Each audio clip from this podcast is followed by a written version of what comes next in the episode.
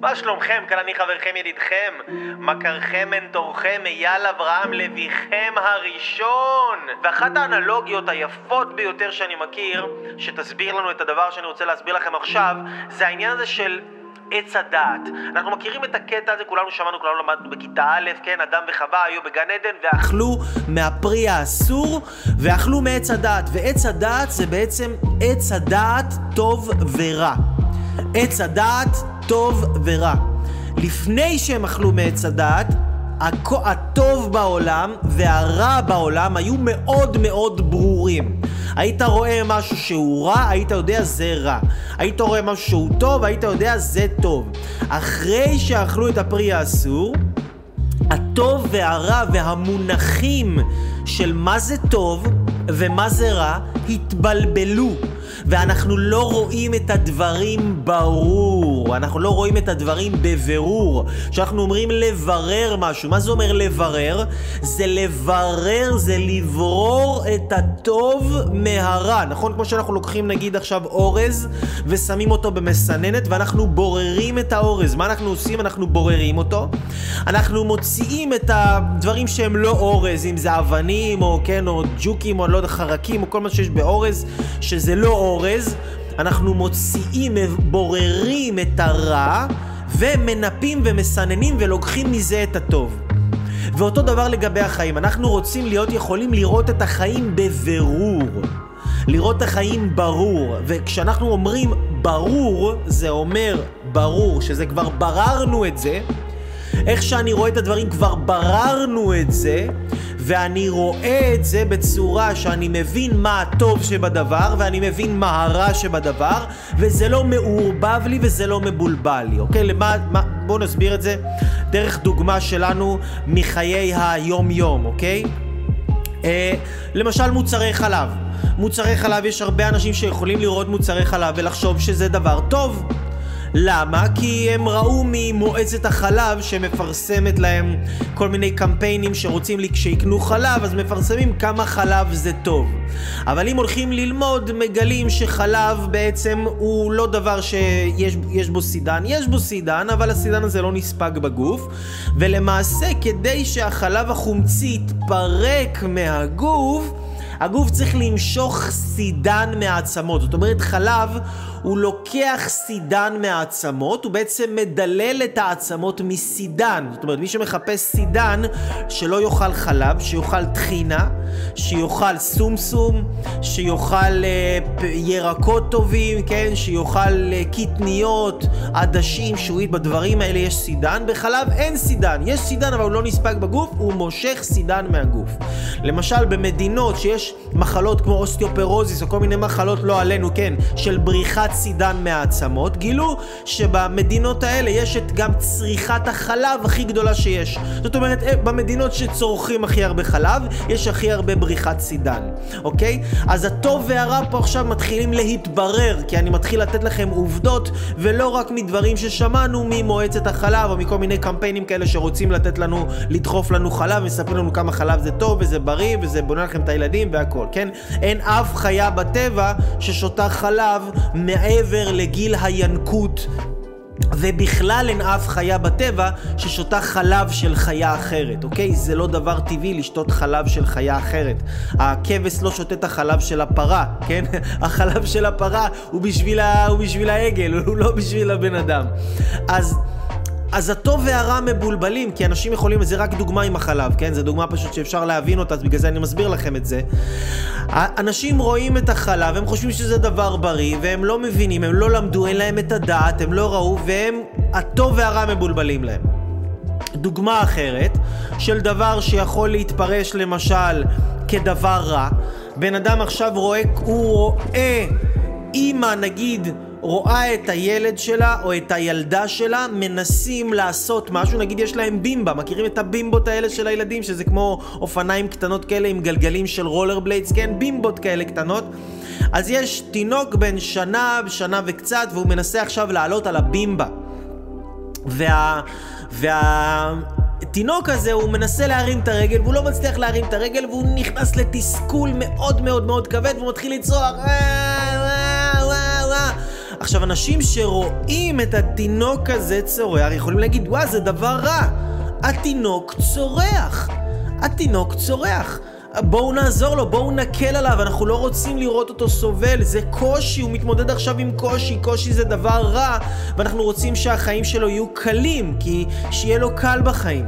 אז נגיד לעזור יותר מדי לילד או לתינוק להתמודד, ולמנוע מהם סביבה מאתגרת מהילדים, או בכלל גם מהמבוגרים, או מסביבה מתסכלת, זה דבר רע מאוד. יש אנשים שחושבים שזה דבר טוב לעשות, אבל זה לא נכון, הם לא רואים את הדברים ברור. זה דבר רע מאוד, כי זה שהילד מתוסכל... זה לא דבר רע, הוא בוכה, הוא צורח, אבל בסופו של דבר הוא מנסה להרים את הרגל, מנסה להרים את הרגל, מנסה להרים את הרגל, כי יש לו את העקשנות הזאת, ובסוף הוא מצליח. אז הוא לומד מזה שכשהוא מתמודד עם משהו, הוא יכול להצליח. הוא מתמודד עם... הוא לומד מזה שקושי זה דבר שהוא חלק מהחיים. זה לא שיש את החיים ויש קושי. אלא הקושי הוא חלק מהחיים, הוא חלק בלתי נפרד מהחיים. כמו שבחיים יש חמצן, אנחנו נושמים, אנחנו הולכים לשירותים, נכון? אנחנו עושים את הצרכים שלנו, אנחנו אוכלים אוכל, כן? אנחנו... אה, אה, אה, יש לנו כל מיני... אנחנו לובשים בגדים, זה חלק מהחיים. גם קושי הוא חלק מהחיים.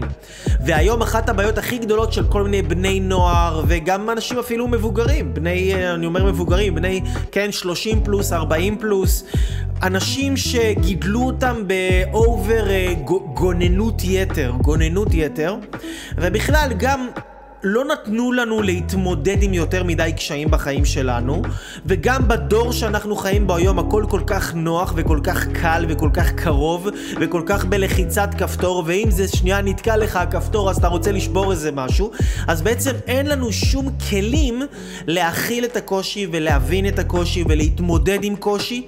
אנחנו לא יודעים להיות בסביבה מתסכלת, אנחנו לא יודעים להיות בסביבה מאתגרת. כשאנחנו נמצאים בסביבה מתסכלת, בין אם זה עכשיו נגיד יש לנו זוגיות מתסכלת, כן? אנחנו נמצאים עכשיו... עם בן זוג מתסכל, אנחנו נמצאים עכשיו עם uh, בת זוג מתסכלת, יש לנו הורה מתסכל, יש לנו חבר מתסכל, יש לנו איזה קואוצ'ר שמתסכל אותנו, כן? הוא מכניס אותנו ללחץ ונותן לנו כל מיני דברים שאנחנו לא יודעים אם אנחנו נוכל לעמוד בהם או לא. יש לנו מורה מתסכלת, כן? יש לנו מצב בריאותי מתסכל, אנחנו כל הזמן כאילו חיים כדי להפיג את התסכול בחיים שלנו, וכדי להגיע למצב של מין אה, שלווה כזאת, של מין ניחותא תמידית כזאת. ודווקא פה אני רוצה לעזור לכם, אנשים יקרים, ללמוד להסתכל על החיים בצורה יותר עמוקה, לקחת את ההסתכלות שלכם כמה צעדים קדימה, כדי שבאמת אתם תוכלו להצליח בחיים שלכם ולהבין את העומק של החיים, את היופי של החיים, כי מי שלא מבין את הקושי לעומקו לא יכול להתפעל מהחיים באמת. אז דיברנו מקודם על ילדים, ויש פילוסוף שקוראים לו וויניקוט, וויניקוט, זה השם שלו, אתם יכולים לחקור עליו, אבל אין מה לחקור יותר מדי, אני אתן לכם פה את הדבר בתמצות. וויניקוט אומר, הוא טבע איזשהו מונח בחינוך ילדים שנקרא Good enough mom. מה שנקרא להיות אימא טובה דייה. להיות אימא מספיק טובה. לא יותר מדי טובה ולא פחות מדי טובה. להיות אימא טובה דייה. מה זה אומר? זה אומר שהרי הורים יש להם רגשות אשמה כל הזמן שהם לא, לא נמצאים עם הילד, שהם לא עוזרים לו, שהם לא נותנים לו, שהוא בוכה, שהוא לא זה, שהוא לא מקבל את זה, שהוא לא מקבל את זה, יש להם כל הזמן רגשות אשמה. וויניקוט בא ואומר, רגשות אשמה שלכם מיותרים, כי דווקא ילד, הוא לא צריך שיעטפו אותו ושייתנו לו over ויתר על המידה, ילד צריך תסכול כדי להתפתח. ילד צריך מנה מסוימת של תסכול, והתסכול הזה הוא מאוד מאוד מאוד בריא להתפתחות שלו, ולצמיחה שלו, ולהתקדמות שלו, ולמימוש של הפוטנציאל שלו, ולאמונה שלו בעצמו, וזה בדיוק המפתח של השיעור הזה, וזה מה שאני רוצה לדבר איתכם כאן, אנשים ניכרים, נפלאים ואהובים, שאני ממש ממש ממש מקווה בשבילכם. שיש לכם איזושהי מחברת ושאתם הולכים לרשום את כל הדברים האלה, כי... כי, כי חבל, חבל, חבל, חבל לאבד, חבל לאבד את הדברים המדהימים האלה שאתם הולכים לשמוע כאן. אז תבינו, אנשים יקרים, כדי להתקדם בחיים, כדי להיות במוטיבציה, כדי לצמוח, כדי לממש את עצמנו, אנחנו צריכים להיות בסביבה שמתסכלת אותנו. אני יודע שזה לא מה שאתם רוצים לשמוע, אני יודע שזה לא מה שאתם אוהבים לשמוע, אבל זה מה שאתם צריכים לשמוע. תראו, אני עובד בתור, אני מלווה אנשים, אני מלווה אנשים בתהליכים של שינויים בחיים, אני לוקח אנשים בתהליכים עוצמתיים ביותר, שאנשים... עפים על החיים שלהם ועושים באמת שינויים פנומנליים בחיים שלהם, אוקיי? באמת מקצה לקצה, מקצה לקצה, אוקיי? אבל למה אני אומר לכם את זה? כי אנשים באים אליי כי הם, יש להם איזה משהו בחיים שמתסכל אותם. הם נמצאים באיזשהו מקום עבודה שמתסכל אותם, יש להם בוס שמתסכל אותם, יש להם בוסית שמתסכלת אותם. הם נמצאים באיזשהו מצב זוגי שמתסכל אותם. הם נמצאים באיזשהו מצב, יש להם אתגר בריאותי וזה מתסכל אותם, הם לא יכולים, הם לא יכולים לאכול כמו שצריך, הם לא יכולים להתפנות בשירותים כמו שצריך, לא, יש להם תסכול, הם לא יכולים, אין להם נחת, אין להם שקט, אין להם שלווה, יש להם מנה של תסכול. והם רוצים להפיג את התסכול הזה, הם חושבים שהתסכול הזה הוא רע, אבל תחשבו רגע על התסכול הזה, מה התסכול הזה עשה? התסכול הזה גרם לאנשים האלה להגיע אליי, התסכול הזה גרם לאנשים האלה, ובכלל לאנשים, ומה הוא גורם לכם, התסכול הזה? מביא אתכם לפה לראות, ללמוד, להתפתח, לקנות דעת, לקנות חוכמה, להסתכל על החיים בעמקות, להעמיק את ההסתכלות שלכם על החיים, להרחיב את התפיסות עולם שלכם, להיות אנשים בדעת עם דעת יותר עשירה, והעושר הפנימי שלכם ישפיע גם על העושר החיצוני שלכם. אז התסכול הזה, מה שהוא עושה, הוא גורם לנו לזוז, הוא גורם לנו להתפתח, הוא גורם לנו להיות הגרסה הכי טובה של עצמנו. והיום אנשים לא מבינים את זה, ומה שהם מחפשים לעשות זה כל הזמן להזיז את התסכול שלהם בחיים עם כל מיני עזרים. נגיד מישהו עכשיו יש לו תסכול, יש לו, הוא קורא לזה חרדה חברתית. אני קורא לזה תסכול במקרה הזה של השיעור הזה, כן, יש לו ככה חרדה חברתית. הוא הולך ליד אנשים עכשיו, והוא מרגיש שהוא רוצה לדבר, והוא רוצה להגיד את החוות דעת שלו, הוא יושב עם חברים בסלון וכולם מדברים, וגם הוא רוצה לדבר, והוא מרגיש שהוא מתבייש, והוא לא יכול להשמיע את הדעה שלו. כי הוא מרגיש שהוא כזה מכונס, והוא מפוחד, והוא לא אוהב את מה שהוא אומר, והוא כל הזמן שופט את עצמו, ומה שיוצא לו הוא חושב על זה אחר כך מיליון פעם, ו- ו- ולא זורם לו אז הוא מעדיף לשתוק. אז הוא עכשיו הולך לחפש באינטרנט, להבין למה הוא נמצא במצב הזה, והוא אומר יאללה יש לי חרדה חברתית, ואז הוא הולך לאיזה פסיכולוג או פסיכיאטר ונותנים לו כדורים או איזה משהו כזה, כדי להשתיק לו את התסכול הזה, וכדי להעביר לו את ההרגשה של התסכול. עכשיו מה יש לנו? יש לנו בן אדם שיש לו תסכול מסוים, יש לו, יש לו חולשה מסוימת, הוא חלש מול החברה, הוא אין לו יכולות תקשורת עדיין, כנראה כי גידלו אותו ביותר מדי כפפות של משי ויותר מדי, כן, כל פעם שהוא בא להרים את הרגל על הבימבה בתור ילד, אז האמא באה והרימה אותו, וכל פעם שהוא קצת בכה אז באו וליטפו אותו, וכל פעם שהוא בא וקצת צרח שהוא רעב אז ישר דחפו לו, אה, כן, אה, סחנה וחמין בכפיות לגרון, אה, זה עד שהוא לא יכל לזוז כבר, וכל פעם כל מה שהוא רצה נתנו לו, והוא לא היה... היה שנייה אחת מתוסכל, ולא למד להכיל רגע את התסכול כבר מהשלב של הילדות שלו, ולא למד איך לגדול ולהבין שהתסכול הזה הוא חלק מהחיים, ואיך למצוא בתוכו את הכוחות להתעלות מעל התסכול הזה. אז אותו הילד עכשיו הוא מגיע להתמודד עם תסכול בחברה, הוא יוצא מהחממה של הבית, הוא רואה שהחיים מאתגרים, פתאום יש אה, אנשים מוצלחים, אנשים יפים, אנשים חכמים, הוא רואה בחורות, הן לא שמות עליו, זה מתסכל אותו עוד יותר, הוא מתחיל למצוא בעצמו לעצמו כל מיני בעיות, הוא הולך לחפש איזשהו כדור שיעזור לו. אז הכדור הזה, מה הוא עושה? הכדור הזה בעצם מדכא לו את הבעיה, גורם לו לא לעבוד על עצמו, כי עכשיו הוא מרגיש כאילו בסדר, למרות שהוא לא בסדר, כי הוא עדיין לא ממש מדבר בחברה, הוא פשוט לא מרגיש את התסכול שכרוך בזה, הוא לא מרגיש את הכאב, הוא לא מרגיש את הבאסה הכבדה הזאת. ואז זה כבר, הוא לא צריך עכשיו ללכת ולקרוא איזה ספר על לדבר מול קהל, הוא לא צריך ללכת ול, ול, וללמוד, לראות איזה סרטון ביוטיוב על ביטחון עצמי, הוא לא צריך להשיג לעצמו איזה מחברת ולרשום לעצמו תובנות ולהתפתח, הוא בעצם מדכא לעצמו את ההרגשה של התסכול, וההרגשה של, ובגלל שהוא דיכא את ההרגשה של התסכול, עכשיו הוא לא צריך ללמוד, הוא לא צריך להתפתח. הוא מרגיש בסדר, אבל הוא לא בסדר באמת. כי הוא נשאר עם החולשה החברתית הזאת, שהוא לא מתעלה והוא לא מתפתח והוא לא מתמודד איתה, אוקיי? אז הוא מדכא את עצמו. אותו דבר עם מערכת חיסונית. מערכת חיסונית כדי להתפתח היא צריכה תסכול, אוקיי? בגלל זה אני למשל מכניס את עצמי למים קרים, כן? שימו לב, נגיד במקרה הזה. בגלל זה אני יושב בפריזר. ומכניס את עצמי למים בטמפרטורה של שתי, שתי מעלות, בין מעלה לשתי מעלות, ואני יושב שם איזה עשר דקות, וזה מכניס את כל המערכת החיסונית שלי לסטרס מטורף לחלוטין, וזהו. ו- ו- ואז, אני יוצא מה- ואז אני יוצא מזה, והמערכת החיסונית שלי הרבה יותר חזקה, כי אני נותן לה תסכול להתמודד איתו. אז אחר כך שהמערכת החיסונית שלי, שחוותה תסכול חזק, וחוותה לחץ חזק מאוד, וחוותה קושי חזק מאוד, אני יוצא אחר כך ואני אוכל איזה מאכל קצת לא בריא, המערכת החיסונית שלי יודעת להעיף אותו מהר מאוד מהגוף. נשמתי אוויר לא בריא, המערכת החיסונית שלי יודעת להעיף את זה מהר מהגוף. יש איזה וירוס מסתובב באוויר, המערכת החיסונית שלי יודעת לתת לו שתי סטירות, נוגרה ולשלוח אותו לדרכו. אז זה כל העניין של זה. כן, מערכת החיסונית שלי, זה מה שהיא עושה לווירוסים. ו- ו- וזה מה שהמערכת החיסונית שלי עושה, ו- וזה מה שהייתם רוצים שהילד שלכם יעשה לפחדים שלו, ול- ולקשיים שלו, וזה מה שאתם הייתם רוצים לעשות לקשיים שלכם, ולפחדים שלכם, ולספקות שלכם, ולחרדות שלכם, לתת להם שתי נוגרות, ולהעיף אותם לאלף קיביני מיני, שלוח יואו, כי זה לא מתאים שיהיה לנו את הדברים האלה בחיים. אז...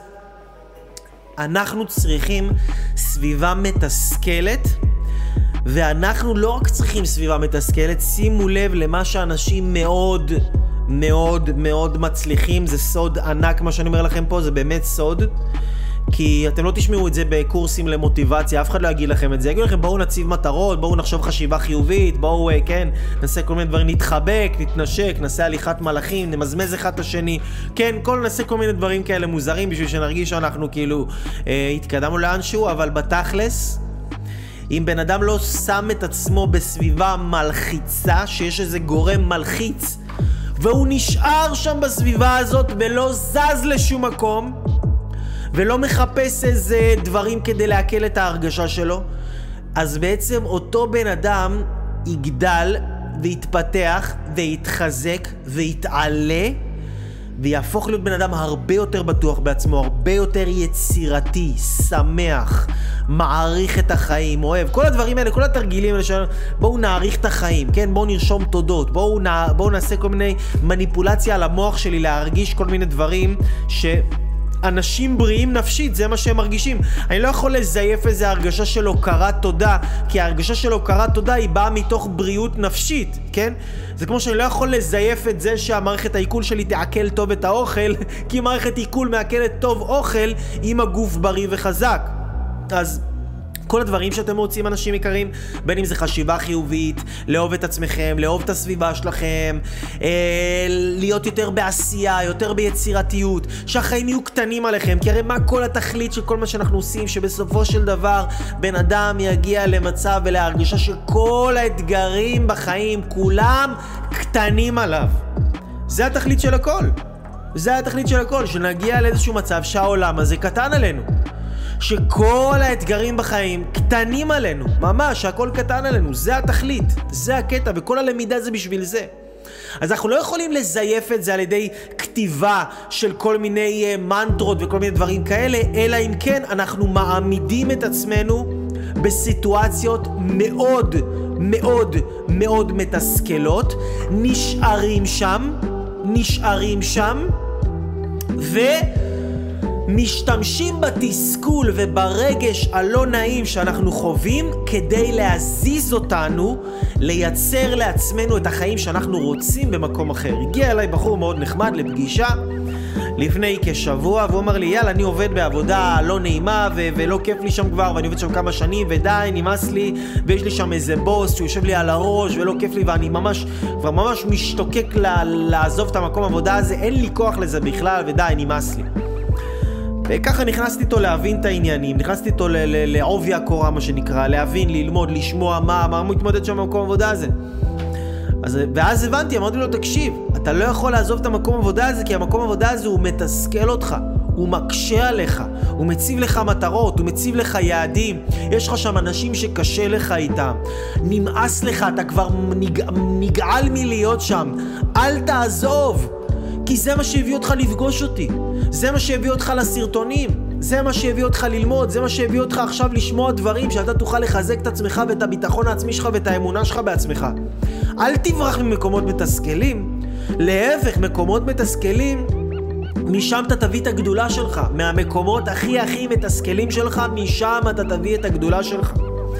ומהמקומות המתסכלים הכי, הכי שלי, שאני לא ברחתי מהם ואני התמודדתי איתם ונשארתי והתמודדתי מהחושך, מהמקומות הכי מפחידים וקשים, מהשדים הכי גדולים שיש בתוכי, מההתמודדות איתם ולא מבריחה למקומות יותר נוחים ולא מבריחה למקומות יותר קלים ולא מלברוח, כן, לבית של ההורים שלי כשקשה לי או להיכנס למיטה כל פעם שקשה לי, זה גם בסדר לפעמים, אבל לא כדרך חיים, כי אנחנו רוצים להתמודד ומכל ההתמודדויות האלה עם, עם החושך שבתוכי משם, משם אני מביא את האור הכי גדול הזה, שלי, לחיים שלי, למשפחה שלי, לתלמידים שלי, לאנשים כולם, לעולם, למי ש, לכל מי שרואה אותי, לכל מי שפוגש אותי. זה דווקא מהמקומות האלה של התסכול, והיום אנחנו צריכים יותר אנשים שילמדו אותנו להיות במקומות מתסכלים. ולא לנסות למרוח את התסכול בחשיבה חיובית, כי מה החוכמה בחיים? החוכמה של המאסטר של בן אדם שהוא מאסטר, החוכמה זה לקחת את השלילי ולהפוך אותו אחר כך לחיובי. לקחת את החושך ולהפוך אותו לאור. לקחת איזה מחלה שעברתי, לרפא את עצמי מהמחלה הזאת, ואחר כך להפוך את זה לשיעור שאני אוכל ללמד את כל האנשים בעולם איך להירפא מהמחלה הזאת ככה בקלות. היה לי איזה חושך גדול, המרתי אותו לאור. לקחת איזה סיטואציה לא נעימה שיש לי בחיים הזוגיים שלי, יש לי לחץ, יש לי סטרס, קשה לי, כבד לי, מלחיץ לי, אבל לנתב את זה לצמיחה האישית שלי, לצמיחה של הקריירה שלי, לעשות כל מיני פעולות שתמיד רציתי, להיות הבן אדם הכי גדול שנועדתי להיות. לקחת איזשהו קושי שיש לי, איזה משהו מאתגר, איזה בעיה עם בן אדם מסוים, ולהפוך את הבן אדם הזה לחבר שלי. זה הקטע הכי גדול בעולם, כי, כי אומרים הרי איזהו גיבור, איזהו גיבור, אמרנו חז"ל, כן? חז"ל חכמינו זיכרונם לברכה, אנשים החכמים ביותר בהיסטוריה, איזהו גיבור, מי זה גיבור? מי זה גיבור? זה שמנצח אנשים אחרים? זה שמוריד אנשים אחרים? זה שמתווכח עם אנשים אחרים? ממש לא. ממש ממש ממש לא. גיבור זה זה שכובש את היצר של עצמו. אתה עכשיו יש לך יצר. אתה רוצה, לא יודע מה, אתה רוצה לאכול, אתה, אתה, אתה לא באמת רעב, יש לך יצר, אתה התגברת על היצר הזה, אתה גיבור. אתה עכשיו רוצה לצעוק, אתה רוצה לכעוס, אתה רוצה לקלל, מישהו עצבן אותך, מישהו ממש הכניס אותך, מישהו ממש דרך לך על נקודה, והוא עשה את זה בצורה מאוד מאוד מאוד לא מתחשבת ולא הוגנת ונצלנית, והוא פגע בך בצורה גרועה מאוד, ואתה מת לנקום בו ולהחזיר לו, לפחות לענות לו, לקלל אותו, לצעוק עליו. אבל אתה, מרג... ואתה מרגיש את הדחף הזה בכל הגוף שלך, ואתה מתגבר על עצמך. למה? כי אתה גיבור. אתה גיבור. אתה עכשיו רוצה ללכת לצאת לריצה, אתה רוצה לעשות אימון ספורט. אתה רוצה לעשות אימון, אימון כושר ואתה לא, לא יכול להוציא את עצמך כי אתה מרגיש את הכבדות, העייפות, את העצלות, אבל אתה התגברת על עצמך, אז אתה גיבור. וכשאתם גיבורים, אנשים יקרים, זה הדבר היחיד בעולם שבונה לכם את הערך העצמי שלכם. אין שום דבר בעולם אין שום דבר על פני כדור הארץ, אין שום תרגיל דמיון מודרך שאתם תעשו, אין שום דת, טריק ב-NLP שאתם עכשיו, אה, לא יודע מה, מישהו יישב ויזיז לכם אובייקטים בתוך הראש ויגיד לכם, תראו את זה בעיר, תראו את זה כהה, תראו את זה למעלה, תראו את זה למטה, תראו את זה צבעוני, תראו את זה שחור לבן. אין שום טריק או תכסיס או תעלול מחשבתי שאתם יכולים לחרטט את התת מודע שלכם, כן? שאתם רוצים לשלוף חסמים מהתת מודע. אין שום חרטא של תת מודע שמוכרים לכם בשקל וחצי. שיכולים באמת להעלות לכם את הערך העצמי שלכם מלבד שאתם מגיעים לנקודת קושי ואתם בוחרים בנתיב אחר. אתם רוצים לעזוב ואתם בוחרים להישאר. אתם רוצים עכשיו לאכול יותר מדי ואתם בוחרים לעצור. אתם בוחרים להתאפק. אתם בוחרים להחזיק את עצמכם, אתם בוחרים לשלוט על היצרים שלכם. אין שום תכסיס של, של, של הכל בדולר, כן? שאתם יכולים ללמוד מכל החרטוטי תת מודע ש... ש... ש... ש... ש... ש... הלוואי והמערכת החיסונית שלה הייתה יכולה לפגוש את האנשים האלה שמחרטטים את החרטות האלה ולתת להם להם כמה נוגרות כאלה על כל הזיבולי מוח שהם מוכרים. שגם הם עצמם, אותם מנטורים שמוכרים לכם את החרטות של התת מודע, הם עצמם בנו את עצמם לא מהחרטוטים שהם עשו לעצמם בתת מודע, או שמישהו חרטט להם את התת מודע עם איזה חרטה של חרטוטיישן כזה. הם בנו את עצמם כי הם התגברו על עצמם, זאת האמת. ואם אתם לא תתגברו על עצמכם, אין שום חרטוט בעולם, אין שום תכסיס, שום תעלול, שום תרגיל שיכול לעזור לכם, מלבד שאתם מגיעים לנקודת קושי ופורצים אותה. עכשיו, למה אני מצייד אתכם פה בחוכמה הזאת? כי חשוב לי לעזור לכם להבין שכשאתם מגיעים לנקודת קושי, שזה לא דבר רע בכלל, להפך, כל העולם נבנה על קושי, העולם הזה נוצר מתסכול, העולם הזה התקדם מתסכול, והעולם הזה מתקיים בזכות התסכול.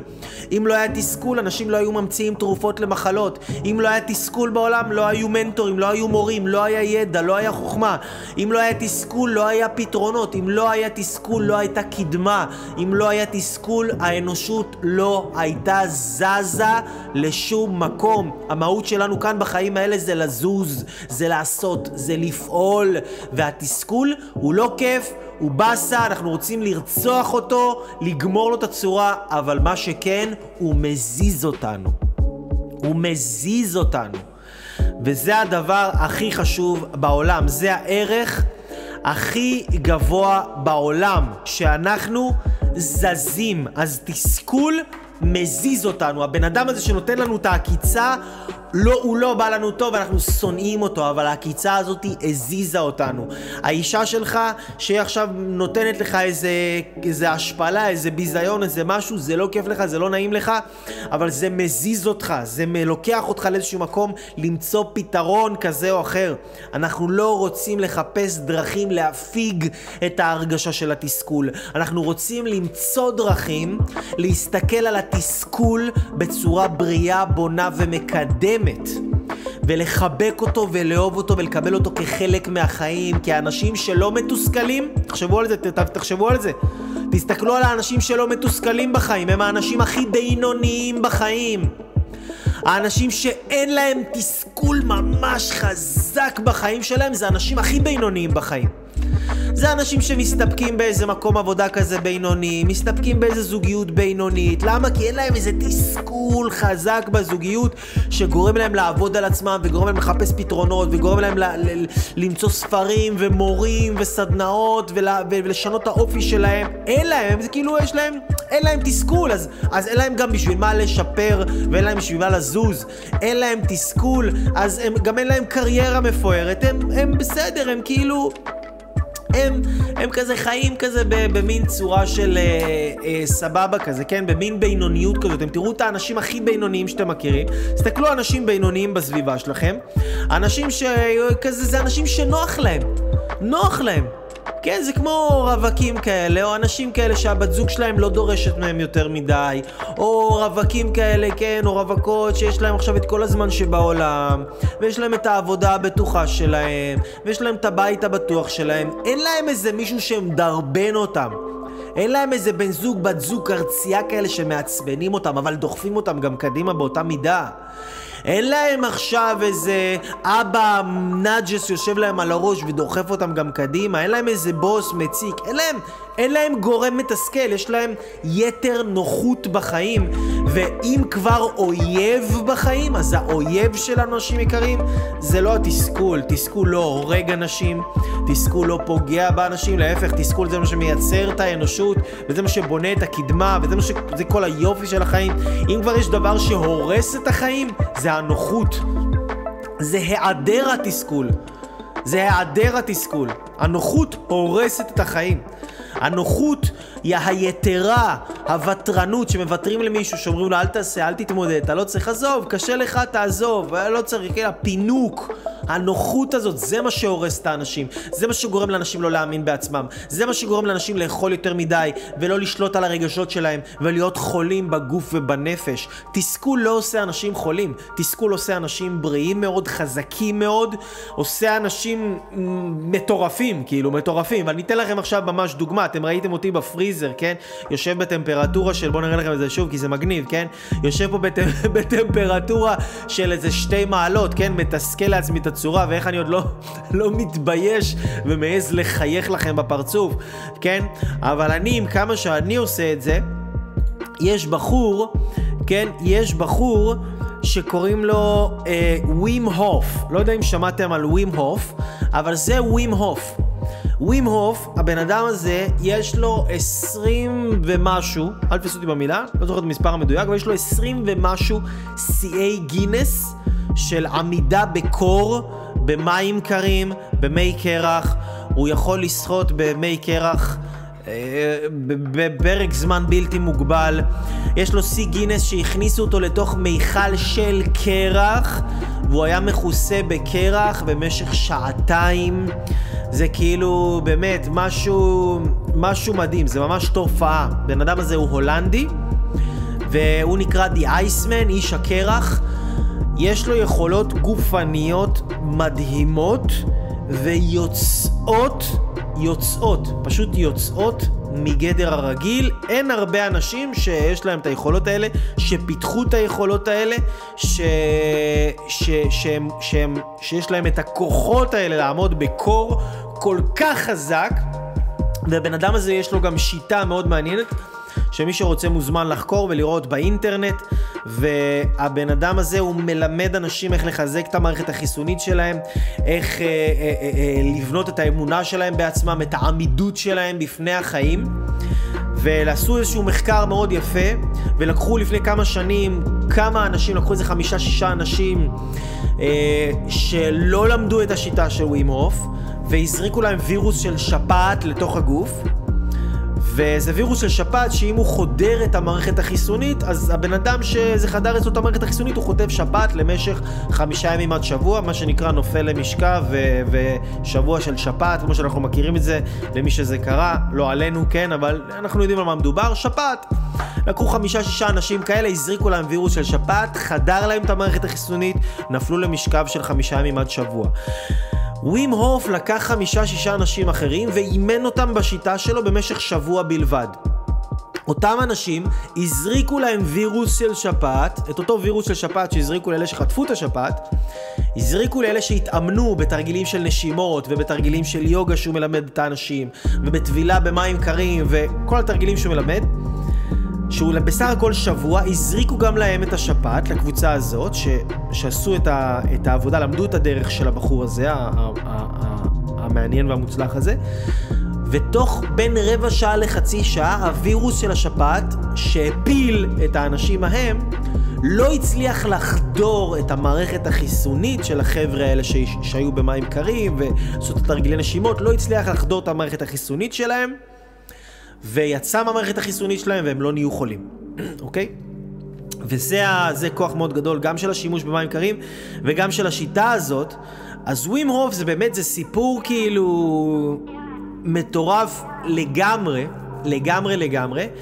וכמו שאמרנו מקודם, אתם חייבים להסתכל על זה ככה. כל בן אדם מצליח שאתם רואים בחיים שלכם, תהיו בטוחים ככה, אנשים יקרים. כל בן אדם מצליח שאתם רואים בחיים שלכם, כגודל ההצלחה שלו, ככה גודל התסכול שהוא שהוא עבר והתמודד איתו.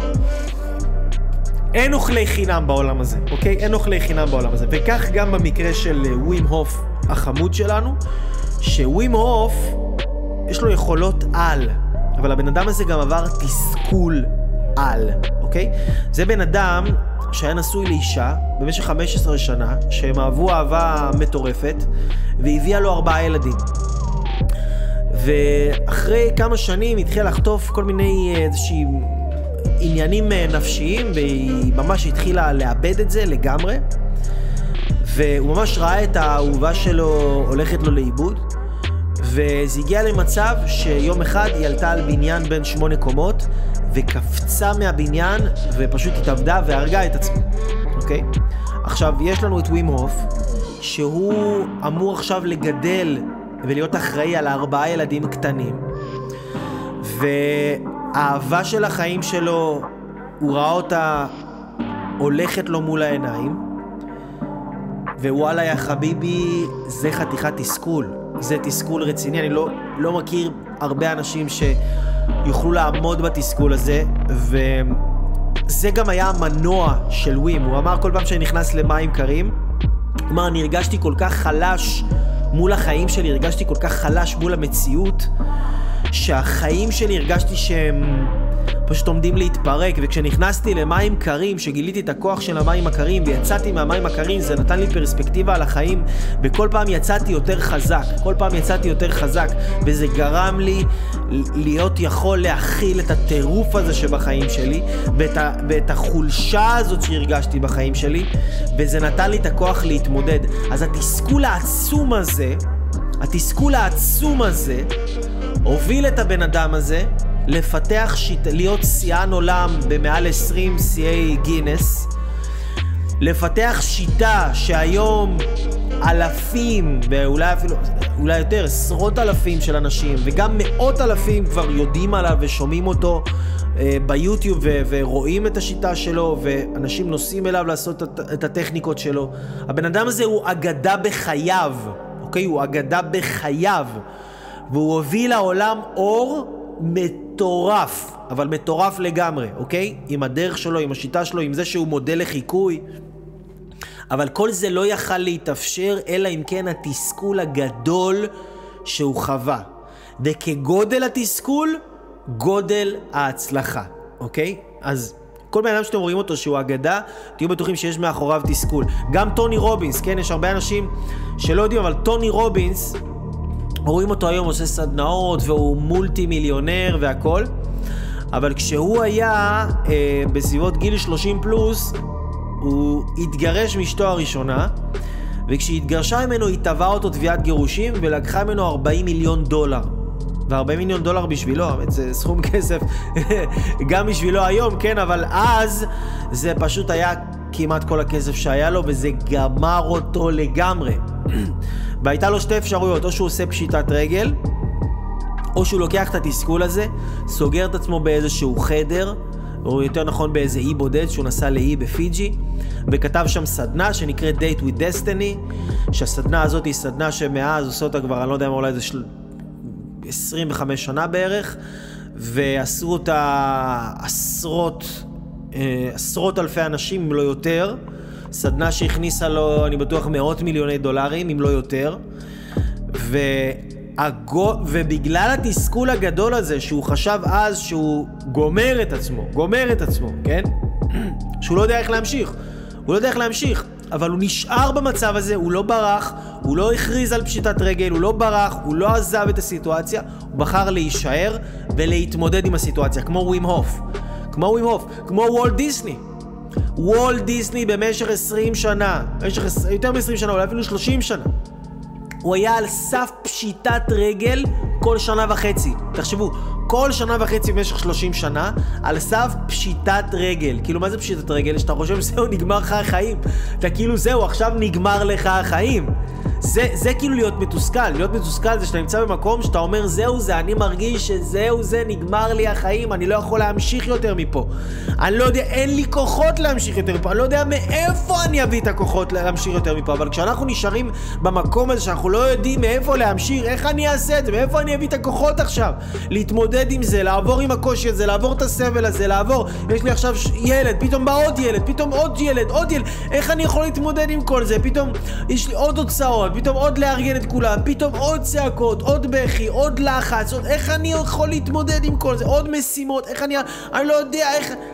ואז, וזה הקטע. כשאנחנו נשארים בסביבה המתסכלת, זה הסוד. כשאנחנו נשארים בסביבה המתסכלת ולא מפיגים אותה ולא בורחים ממנה ולא משנים אותה ולא מנסים להעלים אותה בכל מיני טכניקות של דמיון מודרך או כדורים או כל מיני טריקים כאלה. אנחנו נשארים בתסכול ולומדים ומתפתחים ומתחזקים ועובדים על הגוף שלנו ועובדים על האופי שלנו ולומדים ומקבלים כל מיני כלים להתמודד עם החיים בהצלחה ולהסתכל על החיים בצורה מוצלחת יותר וכל הזמן מתאמנים ומתאמנים ומתאמנים. התסכול הזה הוא הכלי הכי עוצמתי בעולם לצמיחה ולהתפתחות. עכשיו, שלא תבינו אותי לא נכון, כן? שלא תבינו אותי לא נכון. אני לא מאחל לאף אחד חס וחלילה שיקרו לו דברים נוראים מהדברים האלה שתיארתי כאן. ואנחנו לא חייבים, לא חייבים להגיע למקומות האלה כדי להתפתח. אבל היום אנחנו חיים בסביבת חיים שהיא נוחה וקלה ומענגת ומפנקת יתר על המידה, וזה גומר אתכם. זה גומר אתכם, זה רומס אתכם, זה הורס אתכם. אתם יכולים לקבל את כל מה שאתם רוצים, מתי שאתם רוצים, איך שאתם רוצים, באיזה צבע שאתם רוצים, באיזה טעם שאתם רוצים, באיזה מקום שאתם רוצים, וזה סבל לגוף, לנפש, לרוח, זה חורבן. זה פשוט חורבן. אז מה אני אומר? אתם רוצים להתפתח, אנשים יקרים? אתם רוצים להתפתח? תתסכלו את עצמכם. תתסכלו את עצמכם. אם אתם רוצים להתפתח, תתסכלו את עצמכם. תחפשו דרכים לתסכל את עצמכם. ספורט בעצימות גבוהה זה, זה מתסכל. בגלל זה אני עושה קרוספיט, כי זה מתסכל אותי. התסכול הזה בונה אותי. בגלל זה אני נכנס לפריזר, זה מתסכל אותי. זה קשה לי כל פעם מחדש. התסכול הזה בונה אותי. בגלל זה אני יושב ואני עושה לייבים ואני כותב שיעורים ואני עובד, זה מתסכל והתסכול הזה אבל בונה אותי והוא דוחף אותי ואני נשאר בתוך הקושי ואני לא בורח ממנו וכל פעם שאני נשאר בו, האורגניזם שלי מסתגל ומסתגל ואני מסתגל ומתפתח. ואנשים שלא מתפתחים ואנשים שלא מגיעים לשום מקום, זה אנשים שכל הזמן בורחים, קופצים מדבר לדבר, בורחים למקום הנוח, כל הזמן מחפשים מקום יותר נוח. אל תחפשו יותר מקום יותר נוח. אתם רוצים לצמוח? תחפשו מקום יותר מתסכל. תחפשו מקום יותר מתסכל. זה החיים האמיתיים, זה החיים הטובים, כי האנשים שכל הזמן מחפשים מקום יותר נוח, בסופו של דבר הם הכי מתוסכלים בעולם. כי הם רואים אנשים אחרים מצליחים והם לא מאמינים בעצמם. אין להם ביטחון עצמי, אין להם כוח, המערכת החיסונית שלהם חזקה, הם לא יכולים לעכל, אוכלים קצת חומוס עם פיתה, הם הולכים לישון למשך יומיים, כן? הם לא יכולים לעכל שום דבר, הם לא יכולים לעכל חוויות, הם חלשים בגוף, הם חלשים בנפש. למה? אין להם תסכול בחיים שמחזק אותם ונותן להם קונטרה, קונטרה, קונטרה. סוקרטס אמר דבר יפה, סוקרטס, שהוא גם היה חכם מאוד גדול, יווני, הוא אמר, בהקשר למה שדיברנו לאנשים שמקודם, הוא אמר, כל מי שבנה גן עדן, שאב את הכוחות מהגיהנום הפרטי שלו. כל מי שבנה גן עדן, בחיים אי פעם מי שבנה גן עדן, שאב את הכוחות מהגיהנום הפרטי שהוא עבר. זאת אומרת, אם אתם מחפשים להימנע מהגיהנום הפרטי שלכם, ועכשיו אתם נמצאים במערכת יחסים מתסכלת, אז אתם מחפשים לעבור לבן זוג אחר יותר נוח, או לבת זוג יותר נוחה, או לצאת משם, אתם מחפשים להפיג את התסכול שלכם, אתם מחפשים להפיג את הגיהנום שלכם, אתם גם, מה שאתם עושים, אתם גם מחפשים להפיג את הגן עדן ש... שעתיד להיות לכם. גם גן העדן שעתיד להיות לכם, היצירות שלכם, הספרים שלכם, הכישרונות שלכם, העסק שלכם, ההשפעה שלכם, העושר שלכם, הגדולה שלכם. האנשים שאתם נועדתם להיות, וואלה זה לא יקרה. סורי אחים ואחיות שלי. וזה לא משנה כמה חרטות של דמיון מודרך וכמה אתם תשבו מול אנשים ויגידו לכם, תזיז את זה לפה, תזיז את זה לשם, תדמיין עכשיו שאתה רואה את אמא שלך ובמקום שהיא כועסת עליך היא מחבקת אותך במקום חרטה, ברטה, שפריץ לילכת ושמחת ביאכטה, אוקיי? כי אין שום דבר בעולם שבונה לכם עמידות וחוסן נפשי וגופני ורוחני מלבד להיות בסיטואציה מתסכלת ולהישאר שם. יש לכם עבודה מתסכלת ואתם אומרים לעצמכם, טוב, זה לא עבודה של החיים שלי כי אני לא מגשים את עצמי פה. אל תעזבו את העבודה הזאת, זו טעות. תישארו שם ותשתמשו בתסכול הזה של העבודה הזאת לדחוף אתכם קדימה. לדחוף אתכם, להתקשר לאנשים חכמים, לחפש עזרה, להגיע אליי לדבר איתי, ללכת לסדנה, לקורס, לקרוא ספר, משהו, להזיז את עצמכם, להתאמן, לצאת, לעבוד על הגוף שלכם, לצאת מגדרכם. לצאת מהגדר שלכם, לפרוץ את הגבולות שלכם, רק תסכול יכול להביא אתכם לזה. נוחות יתרה תהרוס אתכם ותגמור לכם את החיים. זה המסר שלי אליכם, אנשים יקרים, שאני כל כך אוהב אתכם.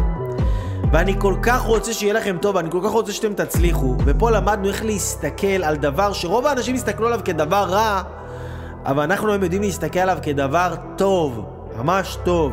מה אני עושה כשאני מרגיש תסכול מעצמי? כשאני מרגיש תסכול מעצמי, אני מחפש דרך להיות גדול יותר מעצמי. אני, אני לא מתמודד עם התסכול הזה, אני משתמש בתסכול כדי לעשות משהו מועיל עם עצמי. אני משתמש בתסכול כדי לבנות משהו, ליצור משהו, לכתוב סרטון, לשבת, לעבוד. אני משתמש בתסכול כאנרגיה שמניעה אותי ודוחפת אותי להוציא יותר מעצמי. התסכול הוא לא רע, התסכול הוא ממש ממש ממש טוב, אוקיי? אנחנו יכולים להתקדם או על דרך האיסורים, שזה דרך התסכול, דרך הסבל, דרך הבעיות בחיים, שזה חלק בלתי נמנע מהחיים, או שאנחנו יכולים להתקדם על דרך החוכמה. מה זה דרך החוכמה? דרך החוכמה זה שעכשיו נגיד... במקום שיהיה לי בעיות בזוגיות ועכשיו אני אלך ללמוד על זוגיות, אז אני קודם כל הולך ללמוד על זוגיות, הולך ללמוד, ללמוד, ללמוד, ללמוד, ללמוד, ללמוד, ממש עד שאני מקצועי בזה, ואז אני מתקדם מתוך חוכמה, מזה שאני כל הזמן שואף חוכמה, ושואב חוכמה, והולך ומחפש ללמוד. רוב האנשים לא מעריכים חוכמה, לא מעריכים חוכמה אמיתית. אנשים יגידו שהם כאילו, כן, אם יש לו תואר או שני תארים, אז כאילו איזה מעריכים אותו בחברה, אבל זה לא באמת להעריך חוכמה. כשאני מתכוון שבן אדם מעריך חוכמה, זה אומר שהבן אדם עכשיו יושב שעתיים, שלוש, ארבע, חמש שעות ביום לפחות, ולומד. זה בן אדם שמעריך חוכמה. להעריך חוכמה זה לא כאילו להגיד, כן, בטח שאני מעריך חוכמה כי זה טוב להיות חכם. להעריך חוכמה זה מה אתה עושה עם הזמן שלך. אז אין הרבה אנשים היום שמעריכים חוכמה, כי הם לא באמת יושבים ולומדים. אז בעצם אנחנו כולנו סוג של מתקדמים על דרך של איסורים. כי גם זה לא משנה כמה נלמד ואיך נלמד, אנחנו לא נוכל ללמוד את הכל ולהגיע להכל. ותמיד יהיה איזשהו אלמנט של איסור, של תסכול, של כאב, של סבל, שאנחנו נצטרך ללמוד לנתב אותו לכיוון החיובי והבונה. זה מצד אחד. מצד שני, בן אדם שהוא למשל לומד עכשיו שלוש שעות, שעתיים ביום, כן? הוא בעצם בוחר לתסכל את עצמו, אוקיי? כי עכשיו יש לך מלא פיתויים בחוץ, אתה יכול ללכת לסרט, אתה יכול ללכת למועדון, אתה יכול ללכת לבר, יש לך מלא אפשרויות, יש לך חברים, יש לך בחורות, יש לך מלא אופציות, כן? ואתה בוחר עכשיו לשבת בבית מול מחשב או מול ספר, שעתיים, שלוש, ארבע, חמש שעות, ולכתוב לעצמך תובנות, ובעצם מה שאתה עושה, אתה בוחר לתסכל את עצמך. אז במקום שהחיים ייצרו לך תסכול, אתה מתסכל את עצמך. אז גם כשבן אדם מתפתח על דרך חוכמה, הוא בעצם מתפתח דרך תסכול. רק זה תסכול שהוא מתסכל את עצמו מתוך הבחירה שלו להתסכל, אוקיי? זה, זה, זה העניין. זה תסכול מתוך בחירה. כי עכשיו שגם כשאני יושב ארבע שעות כבר יש לי קוצים, ואני רעב, ואין לי סבלנות, ואני, ואני מכריח את עצמי לשבת ולהתרכז ולהתרכז ולהתרכז, זה הרגשה מאוד מאוד מאוד מתסכלת, מאוד לא נעימה, במיוחד לאנשים שהם היפר-אקטיביים כמוני, שצריכים לזוז כל הזמן, אבל התסכול הזה הוא הדבר הכי מפתח בעולם והכי בונה בעולם. איך אפשר להתמודד שסימנו אותי בעבודה והרגשתי שאני נפגע בריאותית? האם זה נכון לעזוב את העבודה? האם הבחירה שלי נכונה? אתה מעלה פה נקודה מאוד חשובה ומעניינת, כי אתה מספר פה שהיה לך איזשהו תסכול מסוים בעבודה, ושהתסכול הזה הביא אותך לפגיעה בריאותית. עכשיו, הרשה לי לחדד את העניין עבורך, אשר היקר, שהתסכול הזה שחווית הוא לא זה שהביא לך את הפגיעה הבריאותית, אלא עצם זה שאתה חווית תסכול ואתה חשבת שהתסכול הזה לא צריך להיות. כשאנחנו מתנגדים למציאות, כשאנחנו מתנגדים למה שקורה לנו, כשאנחנו מתנגדים לקושי, שעכשיו יש לי איזה סבל, יש לי עכשיו איזה בן זוג או בת זוג וממש קשים, קשים, קשים, קשים, קשים, ואני מתנגד לזה ואני נלחם איתם ואני נלחם איתם, בעצם זה שאני נלחם במשהו, זה מה שעושה אותי חולה. אבל אם אני מבין שהתסכול שאני מקבל פה זה לא משהו שאני צריך להילחם איתו בכלל, זה משהו שהוא בא לטובתי, זה משהו שהוא בא לקדם אותי, זה משהו שהוא בא לעזור לי, זה משהו שהוא בא עכשיו וגורם לך, אשר אולי התסכול הזה גורם לך לראות את הלייבים האלה. אולי התסכול הזה גורם לך לעקוב אחרי הפרופיל שלי, כן? ו- ולראות, ולראות סרטונים, וללמוד, ו- ולהתקדם, ולרצות לעבוד על עצמך. אז התסכול הזה הוא לא דבר רע. מה שרע פה זה לחשוב שהלחץ או התסכול זה רע.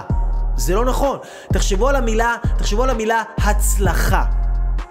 במילה הצלחה יש את המילה הלחצה, אוקיי? הצלחה והלחצה זה אותם אותיות.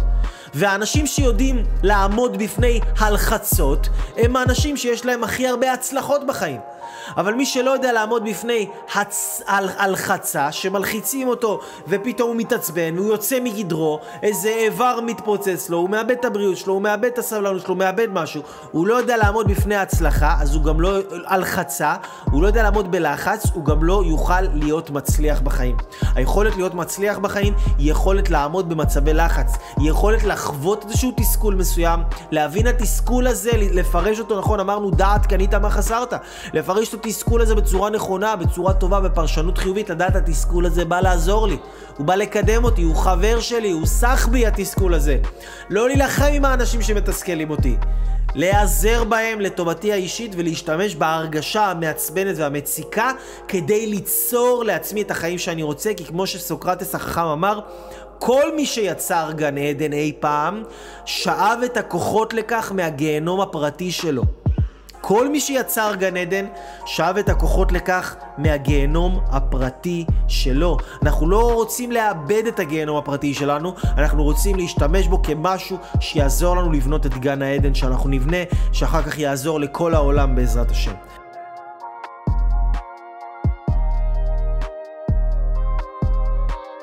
כאלה שמרוב תסכול הם איבדו את זה ועשו טעויות נוראיות.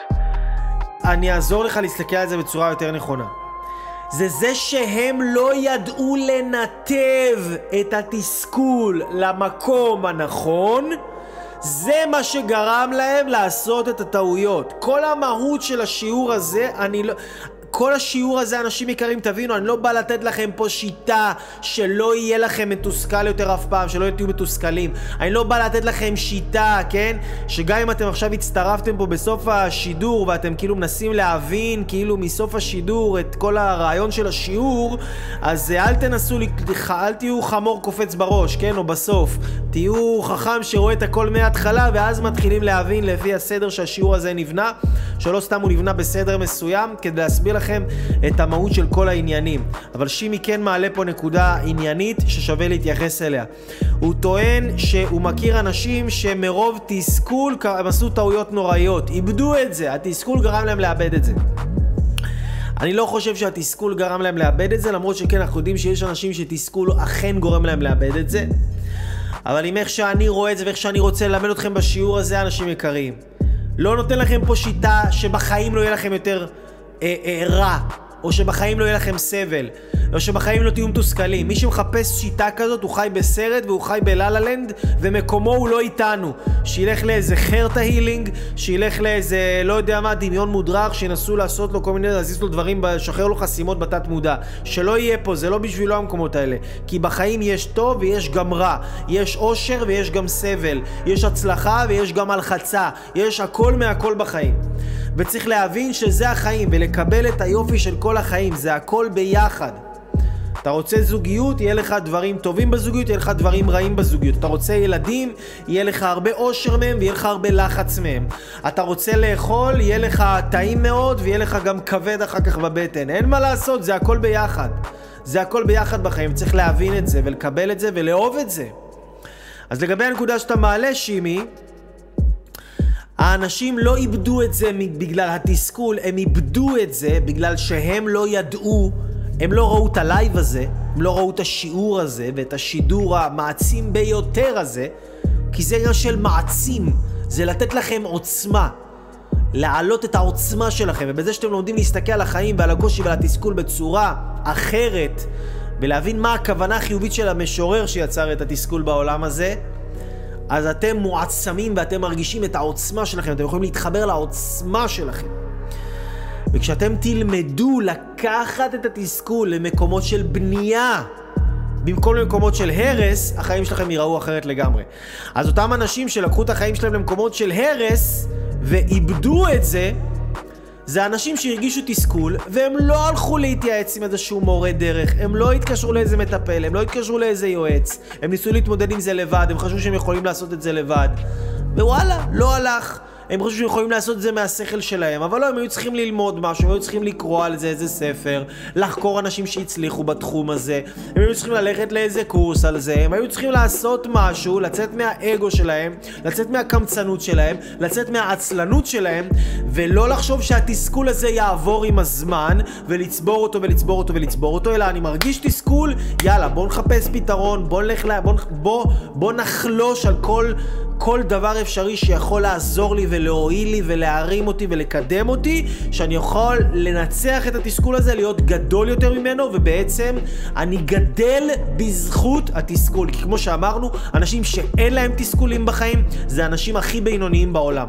זה אנשים שהם תמיד במספיק טוב, הזוגיות שלהם מספיק טובה, המצב הכלכלי שלהם מספיק טוב, הבריאות שלהם מספיק טובה, האנרגיה שלהם מספיק, בדיוק הכל מספיק כזה, אנחנו לא באנו לפה בשביל להיות מספיק, אנחנו באנו לפה להיות מצוינים, אנחנו באנו לפה להיות ה-the best וזהו אנשים יקרים, זה המסר שלי אליכם, אני אייל אברהם לוי הראשון, משדר לכם כאן את הגשמה עצמית אקספרס.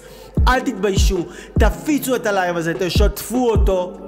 אל תתסכלו אותי, כי אם אתם תתסכלו אותי, המערכת החיסונית שלי, אתם יודעים מה היא תעשה לכם?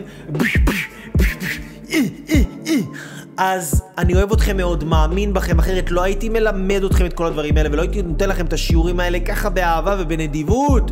באהבת חינם! אהבת חינם! תפיצו, תשתפו. יש לכם מתנה אדירה, אנשים יקרים. תישארו בסביבה המתסכלת שאתם נמצאים בה, עם האנשים המתסכלים שאתם נמצאים שם. תלמדו להסתכל על התסכול בצורה נכונה, ואני מבטיח לכם, אתם תהיו סיפור הצלחה מרתק והזוי, ואנשים ידברו עליכם. בלי סוף. אתם, אנשים יישארו פעורי פה לראות איזה הצלחה אתם הפכתם להיות בזכות זה שהתסכול הזה הפך אתכם להיות אנשים הרבה יותר חזקים, הרבה יותר בטוחים, הרבה יותר יצירתיים, הרבה יותר עוצמתיים, הגרסה הטובה ביותר של מי שאתם, מה שנועדתם להיות. אז שתפו, תפיצו את הלייב הזה. תרשמו לי כאן תובנה, מה למדתם? מה למדתם מהשיעור? מה למדתם מהשידור? כנסו לאתר שלי, תעשו על הדברים עכשיו. תרשמו את זה. כנסו לאתר שלי, תרשמו את כל הדברים שאמרתי לכם. כנסו לאתר שלי www.levylife.com תשלחו לי הודעה, תגידו לי כמה שאתם אוהבים אותי, תגידו לי כמה שאני תותח, תגידו לי כמה שאני מלך וכמה שאני המשיח הבא של העולם, תגידו לי את זה. אני אוהב לשמוע את זה. זה קצת פחות מתסכל אותי, אבל זה גם עושה לי טוב. זה גם גורם לי לדחוף, דוחף אותי קדימה וגורם לי להתקדם. אז אני אוהב אתכם, אנשים נפלאים ואהובים. גם אם אתם רוצים לשאול אותי איזושהי שאלה, להתייעץ איתי, תרגישו חופשי, בכיף גדול גדול גדול, שיהיה לכם לילה מדהים, המשך שבוע מדהים ותסכול מועיל לכולנו.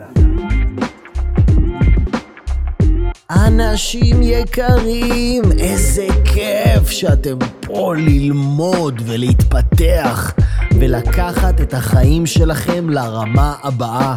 אני כל כך נרגש עבורכם, אני כל כך שמח שאתם האנשים שעוקבים אחריי, שאתם האנשים שלומדים ממני, שאתם אנשים נאורים וחכמים שרוצים עוד.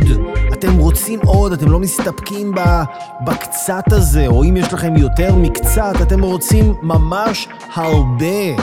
וזה סימן טוב, זה סימן שאתם רוצים לנצל את החיים האלה ולמצות אותם ברמה הגבוהה ביותר. ובטח אתם מבינים שכדי למצות את החיים האלה, הדבר שבן אדם חייב, חייב, חייב, חייב, זה ערך עצמי גבוה. כי ערך עצמי גבוה, אתם יודעים, זה הבסיס להכל. זה הבסיס למערכות יחסים טובות, להרגיש יותר אהבה, להיות יותר עשירים, לחוות שפע כלכלי הרבה יותר גדול, לייצר בריאות ואנרגיה ברמות הגבוהות ביותר, להוציא כל מיני הרגלים שליליים מהחיים, כי אנשים שיש להם ערך עצמי גבוה, הם חיים ברמות הגבוהות ביותר. עכשיו, לא כל אחד נולד עם ערך עצמי גבוה, אתם יודעים, בטח אתם מכירים את הסיפור שלי, אני לא נולדתי עם ערך עצמי גבוה, אבל למדתי ועבדתי בערך 20 שנים האחרונות כדי כל הזמן להשביח את הערך העצמי שלי, ופיתחתי היום את הכלים והשיטות הכי טובות בעולם, שכל בן אדם עם ערך עצמי הכי נמוך שיש, או אפילו ערך עצמי גבוה ומעלה, ייקח את השיטות האלה ויעלה לעצמו את הערך העצמי שלו בפרק זמן סופר קצר, סופר מהר, עם ידע וכלים מטורפים. עכשיו תבינו, הפודקאסטים והתוכן והיוטיוב וכל הדברים המדהימים האלה הם פשוט מדהימים וזה תובנות מטורפות. אבל כדי שאתם תייצרו שינוי מטורף בחיים שלכם, אתם צריכים לעבור תהליך. אני רוצה להזמין אתכם לעבור תהליך בסודות הערך העצמי הגבוה, לזוגיות טובה, חופש כלכלי, ולהיות בן אדם מפורסם, מוערך ואהוב. וה... כל הטוב הזה, כל הטוב הזה, נמצא ממש ממש כאן באיזשהו קישור, אתם תראו את זה מתחת לסאונד הזה או מתחת לוידאו הזה, אתם תראו קישור שייקח אתכם לדף שיסביר לכם על הסדנה הזאת. סדנה שתלמד אתכם איך לייצר לעצמכם ערך עצמי גבוה במהירויות מטורפות. אז אם אתם מתחברים לתכנים שלי, ואם אתם אומרים, אייל, אני רוצה יותר, זה עושה לי כל כך טוב, אני רוצה יותר, אם זה הדברים שאני מקבל בחינם, מה יהיה אם אני אשים כמה שקלים? לאן זה ייקח אותי? אז וואו, אם זה צורת החשיבה שלכם, קודם כל אתם חושבים נכון, כי עם כל הטוב שאתם מקבלים ממני, אתם עוד לא ראיתם כלום, ואני רוצה לתת לכם כל כך הרבה יותר מזה, אבל פה אני רוצה שאתם תתחילו להשקיע קצת בעצמכם, להשקיע קצת, קצת, קצת בעצמכם, בנכס שאתם, בשביל לקבל ידע וגם כלים, וללמוד איך להטמיע אותם וליישם אותם בחיים שלכם, כדי שאתם תהפכו להיות סיפור הצלחה כזה מדהים, שיום אחד אני אספר אותו. אז זה מה שאני רוצה, אני רוצה לספר את הסיפור הצלחה שלכם. אז תיכנסו כאן לקישור שנמצא כאן בסביבה, שלחו לי הודעה בוואטסאפ, שלחו לי הודעה בפייסבוק או באתר www.levylife.com ומשם אתם תקבלו את סדנת סודות הערך העצמי הגבוה. זה עולה כמה שקלים, אבל זה שווה כל אגורה, זה יעיף לכם את החיים לרמות הגבוהות ביותר. 20 שנים של ידע על ערך עצמי בכמה שעות. אתם הולכים לטוס, לטוס קדימה במהירויות שאתם לא יכולים לדמיין. אז תשיגו את הסדנה הזאת, ואנחנו נדבר ממש ממש בקרוב.